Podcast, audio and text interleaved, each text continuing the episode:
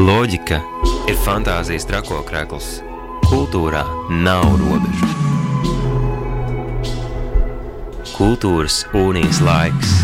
Katru trešdienu, 19.00 Radio Naba, FM 95,8 un Naba LV atbalsta valsts kultūra kapitāla fonds.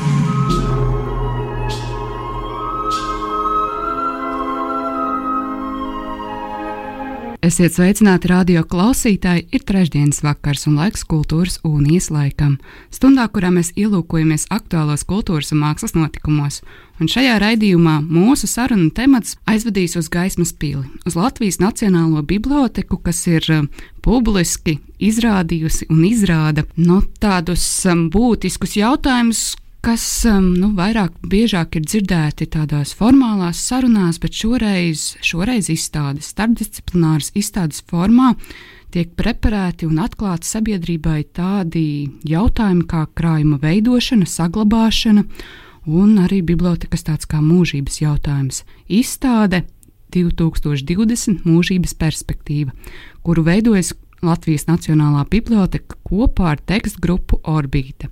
Tas tad mūsu šī vakara sarunu temats kopā ar šīs izstādes kuratori Aneti Krūmiņu un Latvijas Nacionālās bibliotekas krājuma saglabāšanas eksperti Sintiju Saladābolu. Sveikas, labvakar! Labvakar! Sveika! Pastāstiet, par ko tad īsti ir šī izstāde? Un, jā, tā ir mazliet uh, rotaļīga ar to, ka spēlējas arī ar tādu kā nākotnes un futurismu jautājumu, bet kas tad ir tā, tas, ko jūs esat vēlējušies parādīt šajā izstādē? Izstāde pamatā pievēršas bibliotekas diviem fundamentāliem uzdevumiem - krājuma veidošanai un krājuma saglabāšanai. Uh, Krājuma veidošanas daļa tika attīstīta kopā ar bibliotekas grafikas dizaineru Unu Grants un krājuma veidošanas speciālistiem. Un, uh, ieejot zālē, jūs redzēsiet, tur ir tāds grafiks, kas atspoguļo dažādus ceļus, kā visu veidu izdevumu bibliotekā nonākt. Tie ceļi ir vairāk, viņi ir dažādi, un par viņiem netiek īpaši runāts. Mums likās svarīgi to parādīt.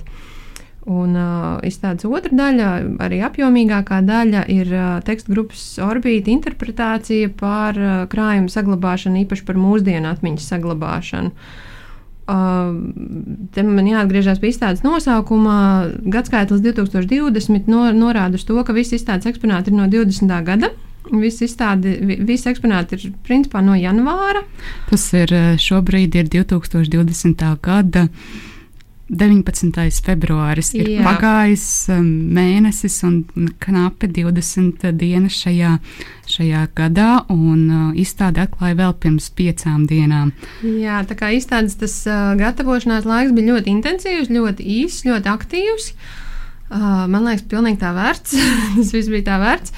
Uh, Uh, savukārt, otra nosaukuma daļa, kas ir mūžības perspektīva, tā mūžība atsaucas uz uh, bibliotekas stratēģijā minēto uzdevumu daļu no krājuma glabāt mūžīgi, kas ir tāda ļoti apjomīga ambīcija, ļoti apjomīgs uzdevums. Un, un, un, un ar māksliniekiem nereti runājot, mums pavīdēja šis jautājums, nu, kas tad ir tās mūžības vērts, vai viss, vai mūsdienas, un kas no mūsdienām, un kā tas tiek glabāts. Tie tādi ļoti interesanti jautājumi, mums likās to pacelāt.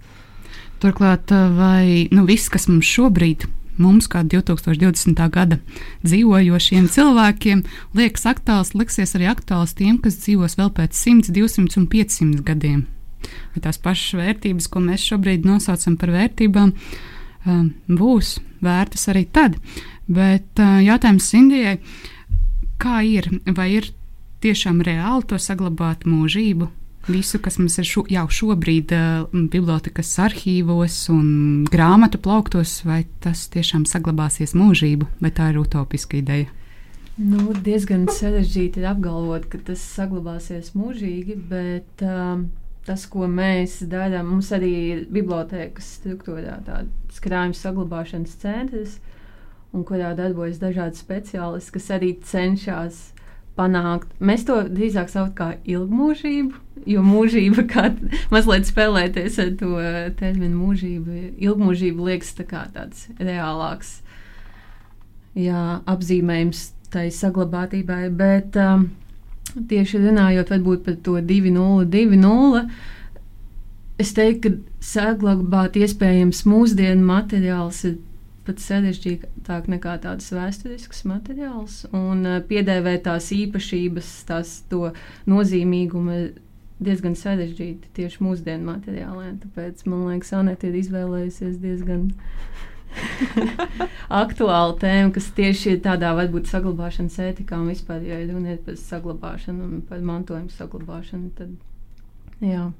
Nā, es piebildīšu, ka izstāde nepiedāvā tādu gatavu slēdzienu, ka šis jā, šis nē, tas ir ētiski, tas nav. Tas drīzāk tādā skice, ievirza šais tēmas virzienā. Mēs nepiedāvājam tādas gatavas atbildes, ko darīt, kā darīt. Mēs drīzāk paceļam šo jautājumu. Mums pašiem tas bija interesanti ar to eksperimentēt. Interesanti ir dzirdēt tagad atsauksmes un, un, un interesi no citiem, ko viņi par to domā. Un, uh, jā. jā, mēs arī pat īsti neatbildam, vai saglabāt. Mēs varbūt uzdodam to jautājumu, vai saglabāt kas ir diezgan filozofisks jautājums. Jā, jo tāds ļoti labs atspērienu punkts tai, tām pārdomām šajā virzienā bija, kad uh, mēs pie šīs izstādes sākām strādāt jau pagājušajā vasarā, kā nu, meklēt tās idejas, domāt, kurā virzienā iet. Um, mēs diezgan ātri nonācām pie vēlmes strādāt ar mūsdienām, bet tur arī ir ļoti daudz aspektu, ļoti daudz iespējas, kā tam pieiet. Uh, Un tad uh, mēs kopā ar Orbītu gājām vairākās ekskursijās pa bibliotēku, pa krājumiem, tikāmies ar krājumu glabātājiem, ar nodaļu vadītājiem, krājumu veidošanas ekspertiem. Un, um, tam bija mākslas lasītājs krātuve, kur mēs skatījāmies atklātnīšu kolekciju. Un tur ir tās vecās vēsturiskās atklātnīcas no gadsimta mijas, ļoti skaistas, un tagad, nu, mūsdienu izpratnē tādas skaistas, nostalģiskas, ļoti estētiskas. Un tad blakus ir kastītes ar atklātnītēm, kas ienāk kā obligātais eksemplārs, ko visi izdevumi bibliotekai ir jāiesniedz kā obligātais eksemplārs, biblioteka viņas glabā. Un tur ienāk arī visi šie kaut kādi glitterotie, spīdīgie, rozā sirsniņa formā ar zelta burtiem 85. Tur viss šis ienāk. Un tad mums sākās tā saruna, ka varbūt uh, tajā laikā, kad bija tās vēsturiskās kartiņas, mēs jau nezinām, varbūt tas arī skaitījās tāds nestils vai kaut kāds slikts gaumi. Mēs īsti nezinām. Un, un tad sanāk, ka pēc šīm glitterotajām, zeltītajām sirsniņu kartiņām kāds spriedīs par mūsdienām kas, kas mūsdienās bija gaumē un trendā, un, un, un, un tas ir kaut kādā tādā pretrunā ar teiksim, manu personīgo estētikas izjūtu, kas ir forši un kas ir gaumīgi. Tad, tad no tā savā ziņā tas, tas bija tāds arī labs atspērienu punkts. Nu jā, un arī no tāda materiāla viedokļa. Ja mūsdienās kaut vai tās pašas publikācijas, ja tie paši sīkie spiedēji tiek ražot no jebkā. Un tie materiāli ļoti daudzveidīgi, un arī saglabāt tos daudzveidīgos materiālus ir sarežģītāk nekā saglabāt senu papīru, vai ādas iesējumu, vai koku, vai materiālus, kas tika mm. izmantot tieši grāmatu veidošanā.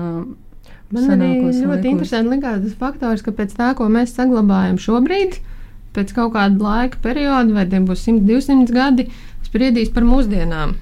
Tas ļoti interesanti. Milzīgi atbildīgs process kaut ko glabāt, jo, jo nu, tas veidos to iespaidu par, par šo laiku. Un, un, un, nu, kā, protams, bibliotekā nonāk viss tas spektrs ir ļoti plašs, bet uh, tur nonāk arī viss tas, ar ko mēs nu, tā kā varbūt nelapojamies tā šausmīgi. Cik daudz dažādi artefakti ir šajā iz, konkrētajā izstādē apkopoti? Uh, Konkrētajā izstādē, konkrētā izstāde sastāv, orbītas uh, instalācija sastāv no, de, no tāda stilizēta retrofutūristiska meža, kas sastāv no 19 kokiem. Katrā kokā ir viena pūsta stikla lode, tā kā tāda piepe, uh, kurā iekšā ir uh, mākslīgi ļoti strauji novecināti un degradēti mūsdienu materiāli. Tas kopējais eksponātu skaits nav ļoti liels. Es precīzi neesmu skatījusi, bet nu, es domāju, ka ne vairāk kā 30 tie kopējie priekšmeti. Uh, bet nu, tā, tā, tā ambīcija bija jā, ar, tiem, ar to priekšmetu atlasi pēc iespējas atspoguļot, uh, cik daudz un dažādi materiāli un informācijas nesēji ir bibliotekas krājumā. Un pieskarties arī tai tēmai, ka biblioteka nav tikai grāmatas.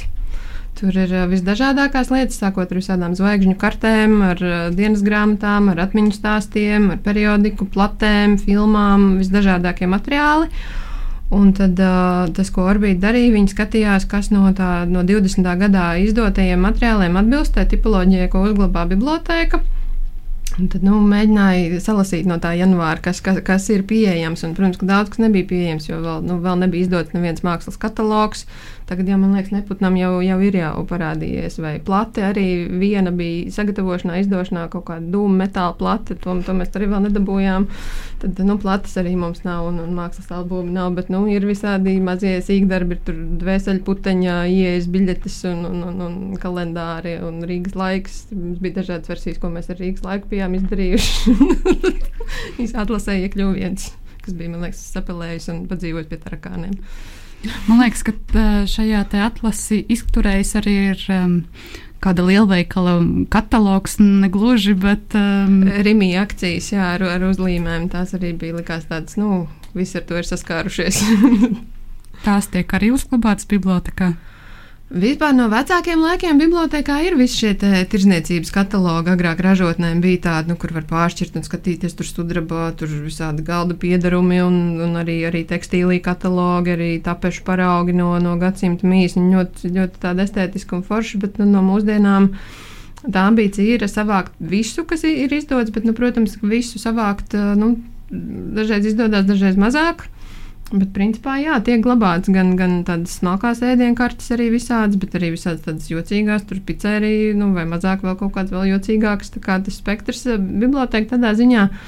Tie atlases kritēriji neietver tādu estētisko, skaisto. Viņi kā, drīzāk uz visām pusēm visu cenšas aptvert pēc iespējas plašāk to pārskatu. Jā, man liekas, ka nu, tas varbūt ir atsevišķs vēl uh, diskusiju un sarunu temats, ja ir nu, bibliotekas noteiktais obligātais, obligātu eksemplāru saraksts, kur uh, visi cītīgi iesniedz žurnālus, grāmatas, um, diskus, plates. Arī sīkais piedarbs, arī Jā, visu. atklātnītnes flyerīšus, plakātus, iespējams pasākumu, un tad ir tādi, ko izdod super, tā jau super mazā tirāžā dažādas pašizdokļu grāmatiņas un tādas lietas, un tās pat uh, ir jāmedī. Tās ir jāmedī, un tur arī ir ļoti dažādi stāsti. Ir, ir autori, kas to uz, uztver kā tādu izdevu, nu, izdevumu sev finansiāli. Teiksim, tiešām tas ir tāds, nu, vai samizdata, vai, vai ļoti mazā tirāžā ekskluzīvs izdevums. Tie izdevējiem tie ir finansiāli zaudējumi, nes tos septiņus eksemplārus. Un daži to tā, nu, tā negribīgi izvairīgi. Bet ir atkal autori, kas to uztver kā tādu, nu, nezinu, savu veidu pagodinājumu vai rūpes par viņu izdevumu, ka kāds cits to paņem pie sevis, nodrošina šos attiecīgos apstākļus, apraksta, izpēta, iekļauj katalogā, tas kļūst pieejams. Tas tā kā tāds pagodinājums, ka mans izdevums tiek mūžīgi saglabāts. Tur ļoti dažādas pieejas tam ir. Bet um, varbūt mazliet novirzoties no izstādes tematikas, kas notiek ar šiem visiem dažādo formātu uh, darbiem, kad tie nonāk um, Latvijas bibliotēkā. Nacionālās bibliotekas krājumā un kā viņus iekonservē, saglabā vai noliek plauktā. Nu, ja, ja no tādas saglabāšanas viedokļa, jā.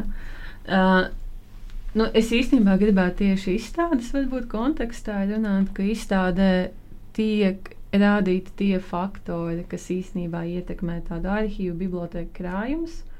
Un tad tie ir tie faktori, ar ko mēs cīnāmies, kas ir biodegradācija, uh, kas ir kaitēkļi dažādi, kas iekļauj kukaiņus un dažādi insektu žodi, kas pat putni tiek uzskaitīti pie tādiem uh, kaitēkļiem. Tad ir um, um, mehāniskie bojājumi, kas ir īstenībā grāmatas varbūt izmantošana bieži vien.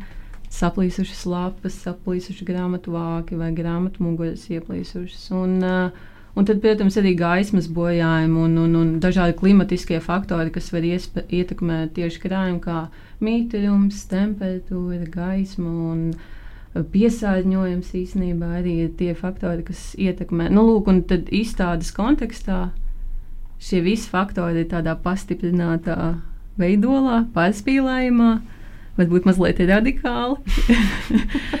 un, un, un, tad uh, mēs arī cīnāmies, nu, cīnāmies tas tāds diezgan um, skaļš apzīmējums. Mēs cenšamies uh, ierobežot šos faktorus, kas ietekmē krājumu. Un, un, un, un, un bieži vien, protams, bibliotekā mums nav jācīnās ar žurkām un kaitēkļiem, bet uh, bieži vien, ja tie ir dāvinājumi, tad dāvinājumi ienāk dažādā stāvoklī. Nu, mēs ne, nevaram garantēt kur tie ir glabājušies. Piemēram, bieži vien da, kāds dāvinājums ir no kādas čūnīša nācis, kur ir mītnes bijis, un tas ir pelējis vai kaut kādi insekti ir to ietekmējuši. Un, un tad mums ir jānovērš šie faktori. Bet tas nozīmē, ja kāds nejauši ir izlējis kafiju tas, uz grāmatas, jā. tad jūs to mēģināt apkopot. Un... Mēs to mēģinām apkopot un uh, saglabāt. Un arī tur tā šaurā uh, robeža, to, cik mēs tālu saglabājam, lai arī nemainīt varbūt kaut kādas vēsturiskās liecības. Restauratoriem ir diezgan spēcīgas ētikas, ko viņi arī ievēro, tad, kad viņi saglabā. Lai, galvenais ir nepanākt, lai izdevums izstāsta kā jauns, bet lai tas saglabā savu cienīgo vecumu. Mēs ne, nemēģinām veikt tādas tā saucamās plastiskās operācijas, lai tiešām uzlabotu to stāvokli līdz nepazīšanai, bet lai tas tiešām izskatītos dabiski un būtu dabiski un arī būtu vēsturiski, un lai tā vēsturiskā liecība būtu uz šī izdevuma. Tad uh, izstādes ietveros šī vēsturiskā liecība ir piedāvāti ļoti īsā laika posmā. Kas ir divas nedēļas. Radio Nabērā raidījums Kultūras Unijas laiks, un mēs turpinām sarunu par Latvijas Nacionālajā Bibliotēkā notiekošu starpdisciplināru izstādi ar nosaukumu 2020 mūžības perspektīva kuru veidojusi Latvijas Nacionālā biblioteka kopā ar tekstu grupu Orbīta. Šobrīd pie mums viesos Latvijas Nacionālās bibliotēkas izstādes kuratore Anete Krūmiņa un Latvijas Nacionālās bibliotekas krājuma saglabāšanas eksperte Sintīja Saldābola.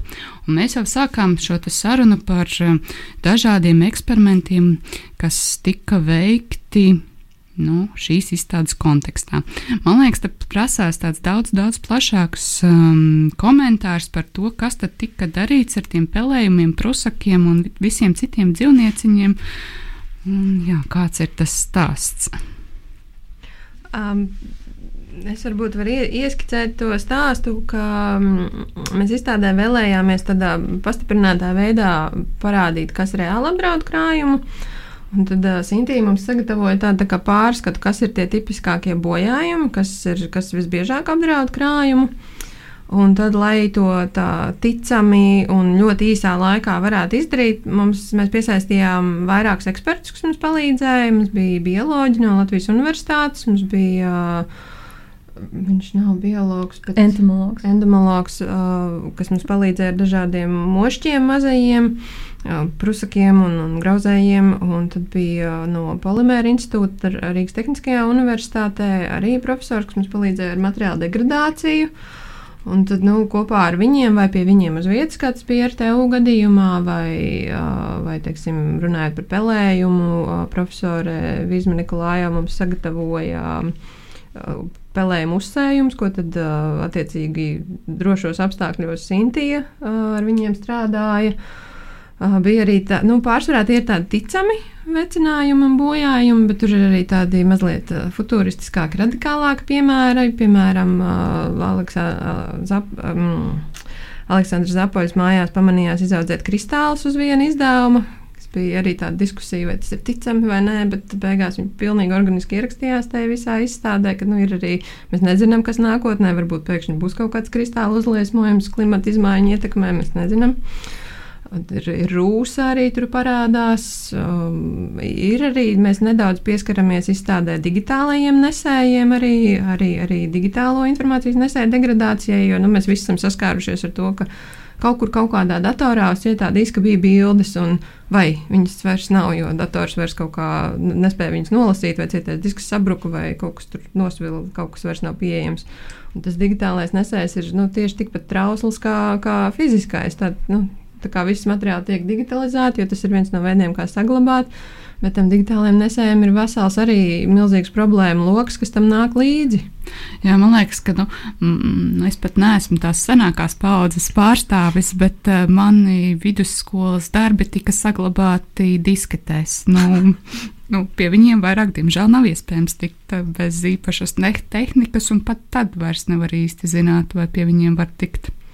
Tas pats, teiks, mums bija saruna ar, ar atklāšanā ar vienu no apmeklētājiem, ka nu, teiksim, literatūras vēsturē tā ir tāda normāla pētījuma tēma ņemt kāda uh, literāta vai dzinieka, mūziķa personīgo daļradu un tad pētīt. Un tad tiek pētīti dienas grāmatas, un pieraksti, un, un skices un viss kaut kas tam līdzīgs.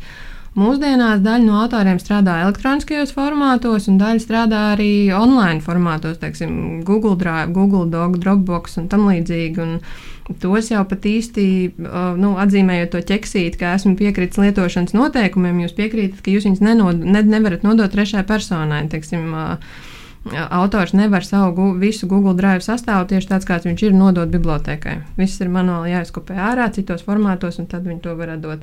Līdz ar to, kas notiek ar šo pētniecības jomu mūsdienu kontekstā, tas ir tāds neskaidrais, ka ar tādu skaidru atbildi vēl nav, jo tas viss ir šobrīd un aktuāls un joprojām pētāms. Un ja mēs vēl paskatāmies um, nu, tādā Latvijas literatūras vēsturē vēl nu, pirms simts gadiem, uh, tad daļa no autoriem kļuva slavena pēc savas nāves. Tas nozīmē, ka viņi pat savā dzīves laikā neiedomājas, ka kādam ir jāiedod savus dzējolītes. Um, var gadīties, ka tās burtnīciņas, grāmatiņas vai kalendāriņi, kur viņi fiksēja savus daļu darbus, tika pēc tam atrasti un tad secināts, ka nu, viņi tomēr ir liela vārda cienīgi. Bet šobrīd, nu, lai mēs tiktu pie mūsu Facebook uh, sarakstiem, e-pastiem un tam līdzīgām lietām, nu, visticamāk, tas pēc mūsu nāves tik vienkārši, nu, man pat gribas domāt, ka vispār nebūs iespējams. Man liekas, es nezinu detaļas, bet par šo bija tika runāts pēc Normūna Naumaņa aiziešanas, kas notiek ar viņa kontiem, gan Twitterī, gan Facebook, kur man, man liekas, ja nemaldos, ir apskatām joprojām vai arī nē. Bet, tas varbūt ir tādi publiskie konti. Nu, ja bet mans... arī ar tiem, vai, vai, vai, tā, vai tas informācijas glabātājs, kas ir Facebook vai Twitter, vai viņi ļauj kādam citam, pat ja tā ir Nacionālas nozīmes institūcija, vai viņi ļauj kādam citam piekļūt tam kontam un savākt to saturu. Man liekas, ka nē. Man liekas, ka tas vēl kaut kur tur vēl nav atrisinājies līdz galam. Nu tā. nu jā, un arī man liekas, tā ētika tieši par nu, to migrāciju no viena datu nesēja uz otru. Un arī tādā, piemēram, ja runājot par tādu mākslas saglabāšanu, es šobrīd nerunāju tieši par bibliotekas materiāliem, tad tas ir tāds būtisks ētikas jautājums. Netiek pieļauts falsifikācijas risks, ka mēs pārnesam no viena datu nesēju uz citu, un tad tās nākamās paudzes, kas īstenībā to informāciju aplūkos no cita datu nesēja, kā vai viņi uztveres tāpat šo mm. informāciju, kā tā tikt pasniegt, piemēram, no oriģinālā datu nesēja. Arī šādi ētikas jautājumi tieši saistībā ar datu nesējiem, un, kas parādās izstādes um, ietveros. Mm. Varbūt vēl domājot par pašu šo izstādi, kas bija tāds, var, nu, tāds jautrākais, vai izaicinošākais, vai pārsteiguma pilnākais posms visā šīs izstādes veidošanā? Kur lai sāk? Šī izstāde bija ļoti eksperimentāla, ļoti starpdisciplināra. Jā, es jau liekas, minēju, sākumā, jā, tas ir pirmais gadījums, kad, kad, kad ir pie satura veidošanas piesaistīti mākslinieki, kas ikdienā nav saistīti ar, ar institucionālu krājumu veidošanu, uzturēšanu un apstrādi. Un tur bija pietiekoši daudz visādas epizodes. Nu, protams, to pašu materiālu veicināšana tas bija ļoti kolorīts process, jo to mēs arī dokumentējām, ko nu katrs darīja. Tā dokumentācija arī izstādē ir daļēji apskatāma, ko nu, izlasi no tiem kadriem. Mm. Man liekas, ka tieši tas bija, jo tā pagājušā vasara un rudens pagāja vairāk tādā izpētes uh, formā, arī, arī saprast, kas tad ir tas, ko biblioteka glabā, kas ir tie bīstamie faktori. Un, uh, Tad, kad pagājušajā gada rudenī uh, mākslinieki nāca klajā ar paziņojumu, ka uh, tas būs 20. gads, kas tiks veicināts, mēs sapratām, ka tas būs super intensīvi tieši janvārī. Tad janvārs arī bija tāds visintensīvākais, visaktīvākais laiks ar šiem eksperimentiem, un kaut kas sanāca, kaut kas nesanāca. Un, Pilnīgi viss arī, protams, neiekļuva izstādē no tās atlases, jo nu, dažus mēs par dažiem bija runa, ka varbūt pārāk radikāli vairs nevar saprast, kas tas vispār ir. Daži atkal nē, tas neizstāsta ticam, par dažiem priekšmetiem atkal, nu nē, tas izstāsta pārāk jau estētiski. tā, nu, tā atlases daļa bija, bija ļoti, ļoti interesanta. Un arī tā skaitā, teiksim, par atlasi mums ar Sintību bija sarunas vai tie materiāli, kas tika bojāti ar to pašu pelējumu vai prusakiem, vai tie eksponāti izstādītie būs aktīvi vai pasīvi, vai viņi turpinās augt un mainīties izstādes laikā vai nē. Un, un tur bija vesels lokus, ko Sintīja paņēma pie sevis, cik tas ir nu, gan droši bibliotekai, gan, gan, gan arī ētiski par tiem pašiem insektiem, un grauzējiem un žurkām runājot. Nu, vai tas ir ētiski izstādīt dzīves vai mirušas kukaiņus? Un, mm, jā. Nu jā, man arī ļoti patīk tieši tās tikšanās ar speciālistiem. Tieši būt pie, nu, piemēram, tā paša Mārķa Zeņa, kad viņš mums izrāda visas tās telpas, vai izvēlēties spēlējumu, spēlējumu krāsas, vai, vai, vai, vai nu jā, tās sarunas tieši par. Jā, spēlējums tas man absolūti pārsteidz, jo nu, pirmkārt atsaucība no tādiem, nu, kārtīgiem pētniekiem, teikt, akadēmiķiem bija ļoti atsaucīga, ļoti interesēti tādā eksperimentālā projektā. Runājot par pelējumu, nu, bija skaidrs, ka mums viņu vajadzēs aktivizēt ļoti īsā laikā, un mums vajag ļoti agresīvu pelējumu, bet arī tur bija varianti. Nu, kādu tur rozā toņos, tumšos toņos, kur viens vai balts, kas ir tā tāds zefīriņš, tāds mākonīts pūkains, tur tā kā tāda krāsa paleta gandrīz vai. Un, un, un, Viņi mums iedēja laikam desmit dažādus variantus, man liekas, beigās ar to pelējumu. Tā bija tikai daļa no tā, kas ir pieejams. Un, Nu, jā, mēs arī iemācījāmies, ka pelējumam garšo iesals. Jā, viņš tā, jebkur brīvprātīgi neaug īpaši ātri, tur vajag, vajag barot. Ar alu. ar iesalu, jā, un tas arī tas faktors, ka mēs paši mājās daudz ko vecinājām. Man, piemēram, bija cukīnī paraugs. Veselu mēnesi, ne, nu mēnesi aptuveni, mazākā mēnesis mājās glabājās uh, grāmatas apstrādātas ar cukīnī, vai, nu, tā kā mēs testējām dažādas iespējas, kā Man, man daži priekšmeti bija aprakti siltumnīcā. Bet uh, tomēr nu, vēl joprojām gribas domāt, ir pagājuši pusotrs mēnesis šajā gadā. Cik ilgs laiks uh, tad jums aizgāja tajā vecināšanas procesā pāris nedēļas, mēnesis, um, viss pusotrs mēnesis. Skatoties no materiāliem, kas bija pieejami, jo, teiksim, kalendāri un plānotāji par 20. gadu bija pieejami jau 19. gada beigās. Ar tiem tad varēja sākt strādāt ātrāk, un tie arī bija tie pirmie eksperimenti, kam mēs ķērāmies klāt. Teiksim, viens ir galda kalendārs, tas klasiskais tāds trīsstūra formas kalendārs uz, uz biroja galda ar krītpapīra vāciņu, kur, ar kurus arī Sintī strādāja. Tur daļa no tā vāciņa vienkārši nolobījās dažādu procesu rezultātā. Ar tiem bija iespējams sākt strādāt laicīgāk, bet tie materiāli, kas ienācās janvāra laikā, teiksim, janvāra teātris programmiņas vai 20. gadā, tur mums ir 20. gada Neiburgētiena karta. Vai janvāra pastaiga un janvāra Rīgas laiks žurnāli. Nu, tie, tie janvārī ienācās, un tad arī bija ļoti intensīvi ar viņiem jāstrādā. Nu, Tā kā jā, principā viss janvārs aizgāja šai izstādē. Un jūs jau pieskārāties tam jautājumam, e, nu, kā daļa no šiem procesiem ir aktīvi.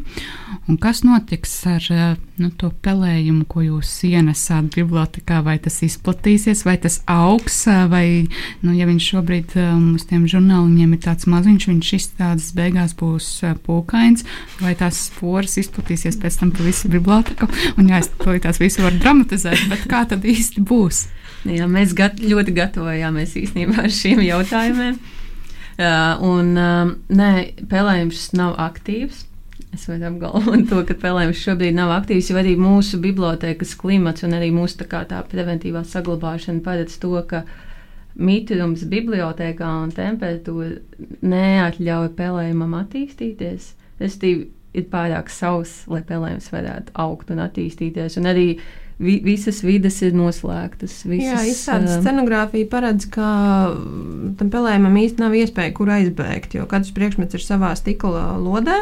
Katra lode ir savā teiksim, koku stumbrā stilizētajā, kurš ir no augšas no apakšas noslēgts. Ne, nu, viņi pieskaras griestiem, bet tur nav iespēja, ka viņi aiziet kaut kur tālāk ventilācijā. Tā kā par šo mēs arī mums bija diezgan aktīvas diskusijas, ka nu, tas nav bīstami tomēr un, un, un nedod Dievs izstādes kaut kā blakus produkts būtu iznīcināt krājumu. Šis nu, sarunas bija. Šis bija ļoti, nu, arī man svarīgi bija. Iesaistīties tieši šajā procesā, kad mēs izstādījām tieši tos biodegradētos objektus, jo nu, tā ir mūsu atbildība saglabāt un lai panāktu to stāvokli, lai viss būtu pasmuko, tā teikt, un viss tika dezinficēts. Mēs arī sazinājāmies ar mūsu inženieriem un noskaidrojām, uh, kāds būs klimats līdz maijam, un līdz maijam būs sauss. Tad mums bija tā, ka ok, nu, viss ir droši. Un arī tādēļ mēs arī konsultējāmies tieši ar biologiem, lai noskaidrotu, cik tas spēlējums tiešām būs agresīvs un kādas gaisa plūsmas varētu ietekmēt, un lai nodrošinātu tos apstākļus, lai tas spēlējums tiešām nevar izplatīties. Un insektu mums nav. Izstādes ietveros. Jā, in, insektu apstrāde notika zooloģiskajā dārzā, insektu biblioteka netika vesti. Un, um, kāds bija stāsts par insektiem? Tie, tas arī ir, um, man liekas, klausītāju uzmanības vērts par prusaku izvēli un citiem dzīvnieciņiem. Um, jā, bija skaidrs, ka mēs vēlamies izmantot, arī parādīt šo virzienu, izmantot šī, šādu tipu bojājumus izstādē. Um, tad, uh, mums ļoti palīdzēja Valdemārs Puņģis kurš ļoti arī detaļās tam piegāja. Tad, kad mēs pateicām, ka mēs vēlamies procesu arī dokumentēt, tad bija tāda īsa, īsa, īsa skaļas pārdomas no viņa puses, kur tad būtu tie piemērotākie prusaki, lai nav kaut kādi tur eksotiski no, tur, zin, no tālām zemēm vai no kurienes, bet lai tajā dokumentācijā ir ticam, ka tie ir Latvija. Uh, Tāpat arī teiksim, par, par žurkām. Kaut kāda eksponāta bija arī pie žurkām, kurām izrādās, ka mūsdienu sintētiskais papīrs tā nu, nepārāk interesē un negaršo. Un tā nu, pārāk, pārāk kaut kas tur nav dabīgs. Un tā. un tad bija uz īsu brīdi arī saruna, vai, nu, vai mēs šos kaitēkļus, sauksim viņus tā, izmantot izstādē. Un tad izrādījās, ka insektus dzīvus vai beigtus varētu izmantot. Uh, Bet, nu, attiecībā uz mirušiem dzīvniekiem tur jau sāksies ētiskas dabas problēmas, ka vajag šo ētikas komisijas atļauju. Tad bija tāds, tāds atklājums, ka tādu uz, uz insektiem neatiecās ētiski apsvērumi, kā izrādās. Tas bija tāds liels pārsteigums. Radio Naba studijā raidījums Kultūras unijas laiks, un šī vakara mūsu galvenais sarunu temats ir izstāde, kura šobrīd un līdz pat 20. 6. aprīlim ir apskatāma Latvijas Nacionālajā bibliotekā izstāde ar nosaukumu 2020 mūžības perspektīva. Un, eh, manuprāt, mēs jau visa šī raidījuma laikā esam diezgan daudz ieskicējuši tās būtiskās lietas, kas ir saistītas ar šo izstādi, bet eh, pastāstiet varbūt mazliet vairāk arī par to, kādi vēl šo izstādi pavadoši notikumi norisināsies bibliotekā. Pirmkārt, es gribētu pieminēt muzeja pedagoģisko programmu pamatskolas vecuma bērniem, ko organizē uh, muzeja pedagoģi no bibliotekas pastāvīgās ekspozīcijas. Uh, pieteikties arī var caur pastāvīgo ekspozīciju informāciju bibliotekas mājaslapā. Uh, šī programma būs arī veltīta materiāla saglabāšanai, tāda kā papīra labošanas darbnīca, kā novērst dažādas bojājumus. Darbnīcas nosaukums ir Neatkārtojiet šo mājās. Tomēr. Bibliotēkā var, mājās nevar. Tas ir, man liekas, diezgan tāds paradoxāls uzstādījums, jo parasti ir tā, bibliotekā nevar aiztikt šo, šo un šo, un mājās tad mēs varēsim paspēlēties, bet šoreiz ir citādāk. Šoreiz otrādi, jā. Uh, vēl arī rītdien ir uh, ekskursija izstādē Krievijas valodā. Šodien bija latviešu valodā. Rīt pūkstens četros ir uh, ekskursija Krievijas valodā. Un nākošais nedēļa, trešdien, pūkstens četros, ir ekskursija izstādē ar Sintīs Aldābolu par krājumu saglabāšanas dažādiem faktoriem, arī ētiskiem apsvērumiem, ko saglabāt, kāpēc. Uh, Uh, un tad skatīsimies pēc iespējām un pēc pieprasījuma. Es domāju, ka ekskursijas būs vēl, bet nu, tālāk par, par martu, vēl par precīziem datumiem, tad, tad to vēlāk. Vēl runājot par izstādi, nu, man liekas, mēs runājam par to, cik futūristiska, eksperimentāla, rotaļīga ir šī izstāde, bet arī nu, ir tāds um, aizmirsts jautājums par šīs izstādes nosaukumu kas ir, um, kuru mēs laikam neesam uh, pieminējušas, un vismaz publiskajā informācijā um, vainots tiek Stenlijs Kubriks. Viņš mums bija kā viena no referencēm, jā, jo, kad mēs sākām par šo tēmu runāt uh, pagājušā gada vasarā, pavasarī, uh, Viena no idejām bija veidot to izstādi tādu košu, spožu, gaišu, baltu, nu tā ka grūti skatīties tādu, jo, kas ir arī pilnīgi pretrunā ar bibliotēku, jo viss tādā tumsiņā, lai tikai te papīri nedzeltē un tā, nu bija doma darīt tieši pretējo. Uh, idejai attīstoties, mēs no tā spožā, gaišā varianta aizgājām projām, bet par to spožo variantu domājot, viena no referencēm bija uh, filmas Kosmosa Odiseja interjeri, kas bija, nu, tas bija tāds, tāds ikonisks futurisms to, tā, tajā laikā. Un ar izstādes nosaukumu, izstādes nosaukums bija orbītas piedāvājums, un tur tas pierakstu veids arī atsaucās uz, uz Stanley Kubrika to filmas pierakstu. Bet, Nu, tā sasaiste ir tik, cik tādas spekulācijas par nākotni. Tieši referents ir uz Stanley Kubrika, jā, ir uz nosaukumu, un, un tā bija tā viena no pirmajām referencēm, tīri domājot par estētiskiem risinājumiem izstādē. Un tad vēl tāds jautājums, ko jau nu, es sāku ar vien vairāk un vairāk uzdot, ir, kā jūs nu, tā vispārīgi nonācāt šobrīd, tieši šobrīd līdz tam futurismam, jo, nu, Gan Latvijas laikmatīgās mākslas centrs pieteica ar milzīgu izstādi, kas ir saistīta ar nākotni un futurismu. Tik, tikko noslēdzās divu Anu īsfilmu festivāls, arī nākotne, futurisms, un šeit ir arī biblioteka. Arī ar tādu pašu vai visa Latvijas kultūras vide ir sadavusies rokās un nejauši vai jauši saplānojusi to, ka nu, tagad ir laiks domāt par nākotni. Es piebildīšu, ka arī man, man liekas, ka arī Riboka iet šajā virzienā ar šī gada pieteikumu bišķītiņu, meklējot tādus jau, jaunus uh, ceļus. Um, nu, mūsu atspērienu punkts bija tā mūsdienu atmiņas saglabāšana, un skatīties uz mūsdienām no mūsdienām ir diezgan sarežģīts uzdevums. Tad mēs skatāmies uz mūsdienām no tāda ar iedomātu distanci. Mēs tā, tādā veidā mēs nonācām līdz tam futurismam. Mūsu sākotnējais uzstādījums nebija veidot kaut kādu pilnīgi kosmosu un par nākotni. Tas ir vienkārši kā tāds piemērotākais skatu leņķis, lai runātu par mūsdienu materiāliem. Tas nebija centrālais uzstādījums, tas ir tāds nu, piemērotākais leņķis. Nu, labi, bet skatoties nākotnē, mēs varam arī mazliet ielūkoties Latvijas Nacionālās Bibliotēkas izstāžu nākotnē. Šī ir pirmā šī gada izstāde, bet um, tai sekos arī vēl kādas citas. Vai vari pastāstīt, kas tās būs un vismaz mūs mazliet ieinteresēt? Jā, sekos vairākas bibliotēkas pašu producētas izstādes. Vēl tagad ir pēdējās nedēļas apskatāmā viena no bibliotēkas simtgadus izstādēm, neredzamā bibliotēka, pilnīgi cits virziens, pamatā izvērst pētījumi, ļoti estētiski ieturēta scenogrāfija. Viņas arī ļoti labi iet tandēmā šīs abas izstādes. Uh, bet runājot par to, kas vēl būs, uh, gada nogalē būs izstāde par Beethovenu un to, kāda Beethovenam sasaist ar mūsdienām.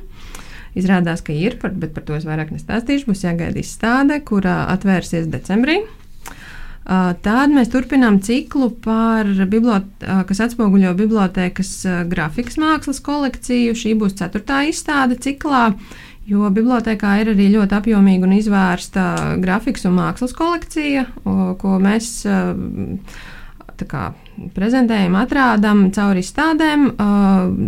Kā, katru gadu pievēršoties vienai grafikas tehnikai. Pirmā bija par kogriezumu, tad bija oforts, šogad bija litogrāfija, nesen beidzās, un tad nākošā maijā tiks atvērta izstāde par zīmējumiem, par dažādiem aspektiem, kas ir zīmējums. Man bija liels pārsteigums, ka tīri tā akadēmiski arī akvarels iet pie zīmējuma. Tas man bija jaunums. un tad uh, oktobrī mēs atvērsim izstādi, kas tiek veidota sadarbībā ar Latvijas Nacionālās Mākslas muzeju par Boris Bērziņu un grāmatām un dažādiem materiāliem, uz kā viņš ir zīmējis, tā skaitā uz grāmatām un grāmatās. Uh, un tad, varbūt tādā tuvākā nākotnē, aprīlī būs viena izstāde, ko mēs veidojam kopā ar uh, Islandes un Reikjavīkas sadarbības partneriem par Ziemeļu valstu bērnu grāmatām, ar kurām, man liekas, arī mēs lielā mērā esam uzauguši. Tur visi mumini un, un, un, un Pepija Gārza, Ķeronija, nu, kas ir tādi arī mums ļoti pazīstami tēli, kas nāk no Skandināvijas. Nu, būs tāda izvērsta izstāde bērniem bibliotekas 7. stāvā bērnu literatūras centrā apdzīvojot visu stāvu. Tas arī tāds diezgan brīvs, pat, ne, pat drīzāk ne brīvs, bet eksperimentāls formāts, ka izstāda tieši bērniem. Nevis tā kā pieaugušiem par bērniem, bet tieši lai bērniem būtu interesanti. Arī scenogrāfija tiks pielāgota bērniem, visi augstumi. Un, un pieejamība arī, nu, domāju, tieši par mazāko auditoriju. Tas nozīmē, ka būs vēl kāda norise, kurā bērni varēs bibliotekā iztrakoties un izbaidīt un vis, izmēģināt visu iespējamo un neiespējamo. Jā, viņi, es domāju, tur varēs diezgan brīvi izpausties.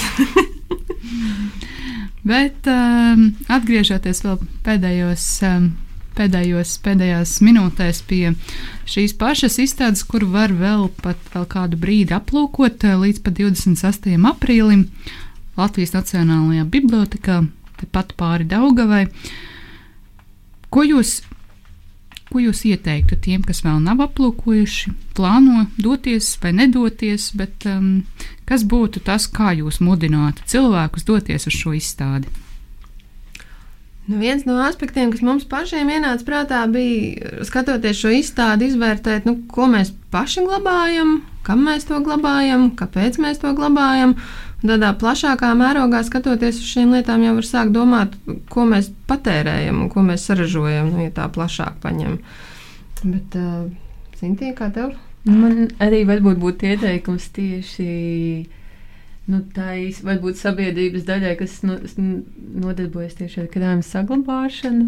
Šī, šī arī būtu interesanta izstāde, kas nu, kaut kādā ziņā arī runā par to institūciju neredzamo daļu, kas ir restaurācija, saglabāšana. Jo pamatā jau tās uh, nodeļas vienmēr atrodas kaut kur tādā neredzamā, mistiskā institūciju zonā. Un mēs esam, piemēram, mīnus pirmajā stāvā, kas ir pagrabā stāvā, kas nav redzams tieši sabiedrībai. Katrā ziņā tā arī tāda iznākšana gaismā tieši saistībā ar saglabāšanas tēmu. Tā tāda iespēja ielūkoties virtuvē mazliet, kas vienmēr ir interesanti. Jā. Man liekas, um, uh, es vēl arī aicinātu visus tos radošos cilvēkus, māksliniekus, um, radītājus, producentus. Uh, nu, ja viņiem kaut kas top, tad uh, neaizmirst aiznest uz biblioteku. Jo varbūt tas tiešām saglabāsies vēl vismaz 500 gadus, un varbūt tieši jūsu veikums, kaut vai mazais flyerītis vai programmiņa iedvesmos nākotnes māksliniekus. Un saglabāsies mūžīgi. Tā ir tā iespēja saglabāt mūsu darbību mūžīgi. Ar to es arī šovakar no jums, radio klausītāji, atvados. Pie mums radio naba studijā viesojās Latvijas Nacionālās Bibliotēkas izstādes 2020 mūžības perspektīva kuratore Anita Krūmiņa, kā arī krājuma saglabāšanas eksperte Sintija Saldābola. Ar jauniem kultūras un mākslas notikumiem mēs tiksimies jau pēc nedēļas. Apzināti dažādi, improvizēti melodiski, pārsteidzoši trokšņaini, kultūrāli, urbāni un inteliģenti. Pagriezta pasaule Latvijas Rādio 6. Tā ir naba.